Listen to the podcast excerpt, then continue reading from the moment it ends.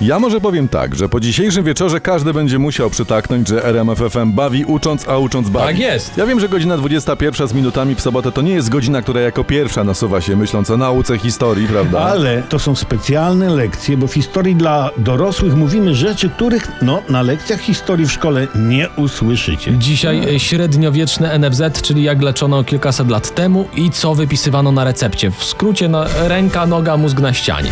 Na historię dla dorosłych zapraszamy my, czyli radiowcy bez cenzury, Przemysław Skowron. Tomasz Olbratowski. O. I Jacek Tomkowicz. Historia dla dorosłych w RMFFM. To jest właśnie najlepsza muzyka w RMF FM i oczywiście najlepsze lekcje historii. Na takie lekcje historii to bym chodził.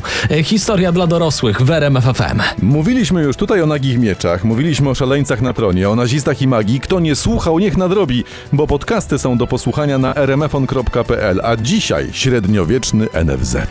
No, e, średniowiecze to specjalnie z higieną i brakiem chorób się raczej nie kojarzy. A i wiedza wtedy o tych chorobach była niewielka. Zacznijmy od tego, że chorobę uważano za karę, za grzechy. A, czyli przychodzisz do średniowiecznego lekarza, mówisz, że cię gardło boli, a on do ciebie, a to trzeba było nie świntuszyć w weekend, tak? Tabletki do ssania, pięć zdrowasiek za pokutę, jedziemy. No, no prawie, że akurat modlitwę uważano za najlepszą na wszystkie choroby, a do tego zestaw podstawowy lekarza. Napary, syropy, nalewki i wina. I już mi się ten średniowieczny lekarz rodzinny podoba. Dzisiaj mówią proszę nie łączyć z alkoholem, a wtedy mówili panie dwie butelki wina na receptę sieknąć. Ale to rozumiem takie lekarstwa doustne, tak? A a jak człowiek przychodził do takiego średniowiecznego psychiatry, albo nie wiem, miał problemy skórne, to co, alkoholem nacierać? Dobrze, że pytasz. Na problemy skórne akurat lekarze przepisywali na przykład nacieranie odchodami. Pierwsza część recepty bardziej mi się podobała, powiem szczerze. Ja nie chciałbym wchodzić do takiej apteki. No, może leki dermatologiczne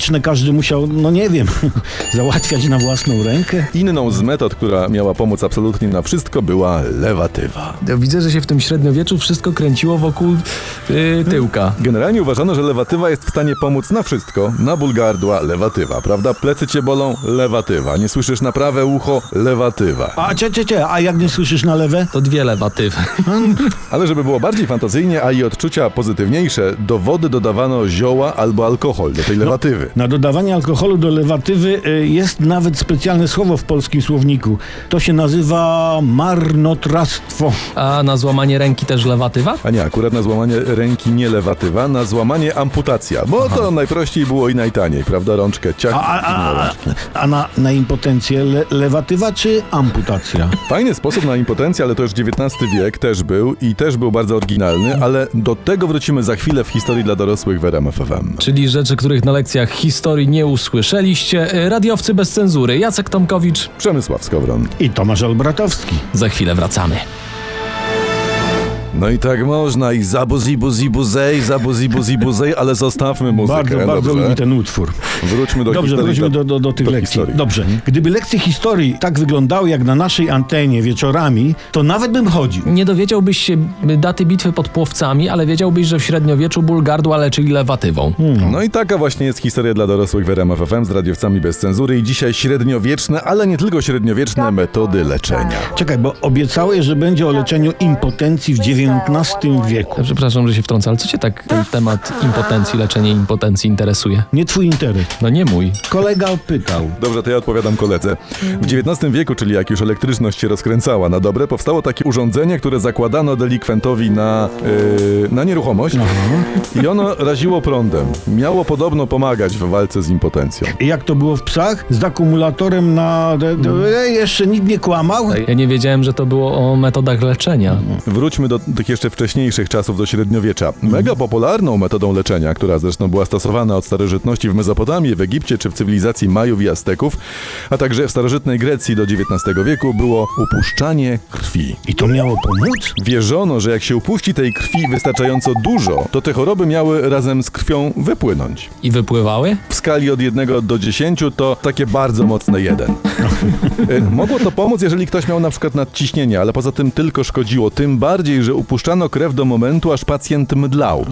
Bo to miał być taki pozytywny objaw, aha, że spoko terapia się udała. Może wtedy też dawali czekolady za oddanie krwi. No to bym jeszcze zrozumiał. Przecież wtedy jeszcze e, w Europie nie było czekolady. No to może mieli zniżki na PKS-y. No nie, nie wiem, szukamy, kombinujemy. Żeby wam uświadomić, jak długo metoda upuszczania krwi była popularna, powiem tylko, że pierwszy prezydent USA, George Washington, właśnie tą metodą był leczony przez swojego osobistego lekarza na problemy z oddychaniem.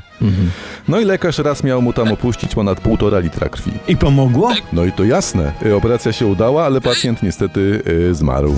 No to ja już chyba wolę dzisiejsze kolejki do lekarza rodzinnego. Tak, bo jakby Waszyngton miał czekać pół roku na termin do kardiologa, to może jeszcze by żył. No, masz jeszcze jakiś szybki średniowieczny patent na katar może, co? Otóż tak, trafiłem na taką informację, że w średniowieczu katar leczono wsadzając do nosa cebulę, najlepiej posmarowaną musztardą. Rzecz, rzeczywiście z cebulą i musztardą w nosie katar był moim no najmniejszym problemem, no umówmy się. Średniowieczny i nie tylko średniowieczny NFZ dzisiaj w historii dla dorosłych, a za chwilę o tym, jak wyglądało średniowieczne łóżko szpitalne. Zostańcie z nami, czyli radiowcami bez cenzury w RMFFM. Historia dla dorosłych w RMFFM. Różne są pomysły na sobotni wieczór. Tam jedni bierą dziewczyny za rękę, drudzy tam chłopaków do dyskoteki, a kto mądry, ten zostaje w domu i słucha RMFFM. Tu trzej panowie od historii, czyli radiowcy bez cenzury. Dziś w obłędnej, jak grasica Megan Fox historii dla dorosłych, średniowieczny NFZ. Dobra, dobra, wszyscy wiemy, że w średniowieczu y, nie było NFZ-u. Ano, nie było. Wtedy medycyną zajmowali się głównie zakonnicy, y, bracia i tu nie będzie niespodzianki i siostry. A jak ktoś nie miał brata ani siostry? No to nie chorował. Opieka nad bliźnimi była w zakonnych regułach i stąd właśnie pierwsze przyklasztorne szpitale. Co ważne, zwykle w szpitalach nie oddzielano chorych od zdrowych. To jakby koronawirus wtedy uderzył, to nie byłoby co zbierać. Ja wiem, maseczek może nie znali, no ale przecież rycerze nosili przyłubice, nie? Nie byłoby co zbierać, bo w takim typowym szpitalnym łóżku w średniowieczu, malowanym na czarno i wyścielanym słomą, kładziono od 4 do 8 pacjentów. I uwaga, chorzy leżeli nago. Byłoby ciekawie, gdyby nie ta słoma. Słoma była wygnieciona, bo jej w ogóle nie zmieniano. Też nie wietrzono przy okazji, nie myto, nie czyszczono. No, ja myślę, że dzisiaj lepsze warunki mają norki w chowie klatkowym. Ale ci w zakonnych szpitalach mieli jednak jakąś taką szansę na zdrowie. Bo drugim nurtem w medycynie było oparcie leczenia na astrologii na alchemii. I tutaj spece mówili, że los człowieka i jego zdrowie zależą od konstelacji gwiazd. Fajnie, może umrzesz, ale cię słoma nie będzie drapała w pośladek. Czy w przestrzeń międzypośladkową, nie?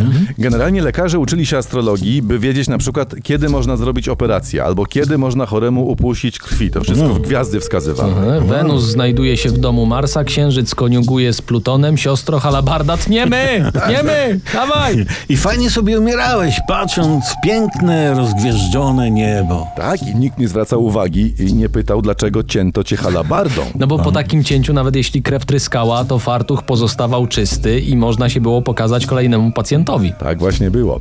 Bardzo ciekawą metodą, może nie medyczną, ale taką z pogranicza profilaktyki była asceza, wyrzeczenia, ograniczenie jedzenia do minimum. To nawet tanio wychodziło, dieta taka No, czy no, coś. przy okazji nie zmieniano odzieży, nie myto się, do tego zadawano sobie mnóstwo bólu, biczowano się i popularne były takie pochody biczowników. Terapia zbiorowa, tak zwana gruppenterapii, tak? Y, Super rzecz. Bardzo super, tak, ale słuchajcie kochani, nie rozchodźcie się, będzie jeszcze gorzej. Za chwilę w historii dla dorosłych zajmiemy się średniowieczną medycyną ludową. Radiowcy bez cenzury, zapraszamy. Radiowcy bez cenzury i historia dla dorosłych. Dzisiaj w najlepszym programie historycznym w kraju od czasów Gala Anonima i kronikarza Kapucyna średniowieczny NFZ. A możesz proszę opowiedzieć nieco więcej o kronikarzu Kapucynie, bo to mnie zaciekawiło? Nie może, bo kronikarz Kapucyn złapał katar, poszedł do lekarza i już nie wrócił, bo to było średniowiecze A, no przecież. Zdążył tylko zanotować tam w kronice, że Mieszko I w sypialni najbardziej lubił, jak mu żona i tyle. A. I tu umilkł na, jak to mawiano, wieczność. Radiowcy bez cenzury, my nie milczymy, a co powiemy to usłyszycie oczywiście w historii dla dorosłych. Zostańcie z nami. Średniowieczny NFZ w historii dla dorosłych w RMF FM. Dzisiaj panowie od historii, czyli my, czyli Przemysław Skowron, Tomasz Olbratowski, Jacek Tomkowicz. Mówimy o tym, jak leczono chorych, y, nim umarli od tego leczenia. Patrząc na średniowieczną medycynę, zastanawia jedno: jak udało się nam to wszystkim przetrwać? Bo oprócz lewatywy, puszczania krwi oraz wiary w moce gwiazd leczono też ziołami. No, wpadał Cezary P., dealer celebrytów i podrzucał ziółka oraz takie magiczne proszki. No mniej więcej tak to wyglądało. Ciekawym wynalazkiem były tak zwane leprozoria. I tam przebywali chorzy na trąd, z łaciny lepra. I to były takie drewniane baraki, które palono po przejściu epidemii. E, Nowocześnie i antyseptycznie. To były tak zwane baraki jednorazowe. Tak, znano też pojęcie kwarantanny i izolacji. I osoby chore lub choćby podejrzewane o to, że się zaraziły, nie miały prawa na przykład do handlu, wstępu do miasta i musiały używać, chodząc, takich sygnałów ostrzegawczych, kołatki albo dzwonka. To było takie wczesne ijo, ijo, ijo, ijo, które Tak, potem właśnie. przerodzi się w e, sygnał syrenek karetek pogotowia. Ijo, ijo, ijo, idzie chory. Dokładnie. Ijo, ijo, ijo, jestem chory. W XIII wieku w Salerno wyszedł taki zbiór rad Regimen Sanitatis Salerni... Salerni... Salerni... To trudne Widzicie? słowo jest, no bo to jest z zagranicznego. Salernitanum, A. czyli po polsku salerneński przewodnik zdrowia. I tam zalecano lekarzami twemi, niech będą ci trzej. Pogodny nastrój, umiarkowana rozrywka, rozumny tryb życia. Czyli uśmiechnij się, spal wioskę sąsiada, a może potem narżniemy niewiernych, ale na luźnym George'u. Także to jest Tak, to. właśnie tak, właśnie z naciskiem na luźnego George'a, który był niezwykle popularny w średniowieczu. Tak, mawiano, daj, a ci ja pobruszę, a ty pociwaj na luźnym George'u. Albo y, jeszcze ranek nie tak bliski, słowik to, a nie skowronek się zrywa na luźnym George'u. Tak było. I tak to było. Słyszę, jak słuchacze pytają, jak dbano o higienę i zdrowie w Polsce. Otóż bardzo szeroko rozpowszechnione były u nas łaźnie, co świadczy o tym, że Polacy dbali o higienę osobistą w A, średniowieczu. a mieli karnety na siłownię? Zamożni mieli swoje łaźnie własne, a większość chodziła do takich publicznych. I w takim Krakowie tylko w XV wieku było 12 łaźni. Od razu przy łaźni był fryzjer, były nawet takie przepisy sanitarne, że na przykład członek cechu musiał iść do łaźni co najmniej raz na 14 dni. Nauczyciele musieli dzieci kąpać i tak dalej, i tak I, dalej. I komu to przeszkadzało? No właśnie. O tym opowiemy już niebawem w historii dla dorosłych w RMF FM. Będzie albo i nie o metodach leczenia, których NFZ by nie refundował. Y, Czyli tak, wywiercanie dziur w czaszce, y, picie rtęci, Niech żyje rock and roll! No w dużym skrócie tak właśnie. Rtęciowy rock and roll. Historia dla dorosłych w RMFFM. Zajmijmy się teraz średniowieczną chirurgią na ziemiach polskich. E, w historii dla dorosłych w RMF FM powiedzieć, że chirurgia wtedy raczkowała, to e, powiedzieć za dużo, bo ona de facto pełzała. tak było z nią źle? Gorzej. Hasłem ówczesnej chirurgii było zawołanie nie goi się? No to amputujmy. No to nie bawili się nasi średniowieczni medycy w jakieś tam niegodne mężczyzn subtelności. Nie, nie. W średniowieczu wiedza medyczna była na tyle niewielka, że nawet niewielki problem mógł zakończyć się amputacją, e, dajmy na to, kończyny. No. Jeżeli rana się nie goiła, kończyna była złamana, a noga czy ręka stłuczona czy poszarpana, no to jedyną radą było ich obcięcie. Kończyny traktowano wtedy trochę jak paznokcie albo włosy w nosie, tak? Nie pasuje, obcinamy, pyk, nie ma. No, nie obcinali się ci średniowieczni chirurdzy. Co więcej, taka amputacja była zwykle przeprowadzana na żywca, czyli Ło. bez znieczulenia. Chyba, że za znieczulenie służyła przytykana do nosa pacjenta gąbka nasączona alkoholem albo opium, albo uderzenie w głowę, które miało troszeczkę zamroczyć chorego. To ostatnie to pewnie było znieczulenie na średniowieczny NFZ. Tak, tak, opium i alkohol to było w prywatnych klinikach, to już za dopłatą. Co więcej, słuchajcie dalej, kończynę obcinano zwykłą piłą. Dlatego pierwotnie sale operacyjne średniowieczu nazywały się tartak. Dopiero później tą nazwą określało się e, zakłady produkcyjne, gdzie rżnięto dechy. To ważna informacja dla pracowników tartaków. Widzicie, nazwa waszych zakładów pracy wzięła się od średniowiecznych gabinetów chirurgicznych. Bardzo ciekawy był, słuchajcie, że tak zmienię temat, sposób leczenia bólu głowy, tak zwanej migreny. Otóż otwierano choremu czaszkę, wyciągano mózg, następnie mózg solono i wkładano z powrotem go do czaszki. I pomagało? E, Na ból głowy tak. Zupełnie mi- migrenę to likwidowało, bo pacjent umierał y, i no i nie miało kogo boleć, prawda? To takie wesołe. To była śmieszne. tak zwana trupanacja czaszki. Zrozumieliście my? Trepanacja, trupanacja. A. Zrozumieliście, czy mam wam wyjąć mózgi i posolić? Nie, nie, No? to bardzo śmieszne to Ja, jest. ja bym wolał, żebyś posypał cukrem i ze śmietanką ubitą. I tak patrząc, patrząc z perspektywy średniowiecza, to chirurgia miała jeszcze długą drogę przed sobą, zanim doszło na przykład do przysłowiowego przeszczepu serca. Hej. Tu teraz każdy sobie odpowie na pytanie, ile zna przysłów z przeszczepem serca, a ja obiecuję, że za chwilę do Was z historią dla dorosłych w RMF FM wrócimy.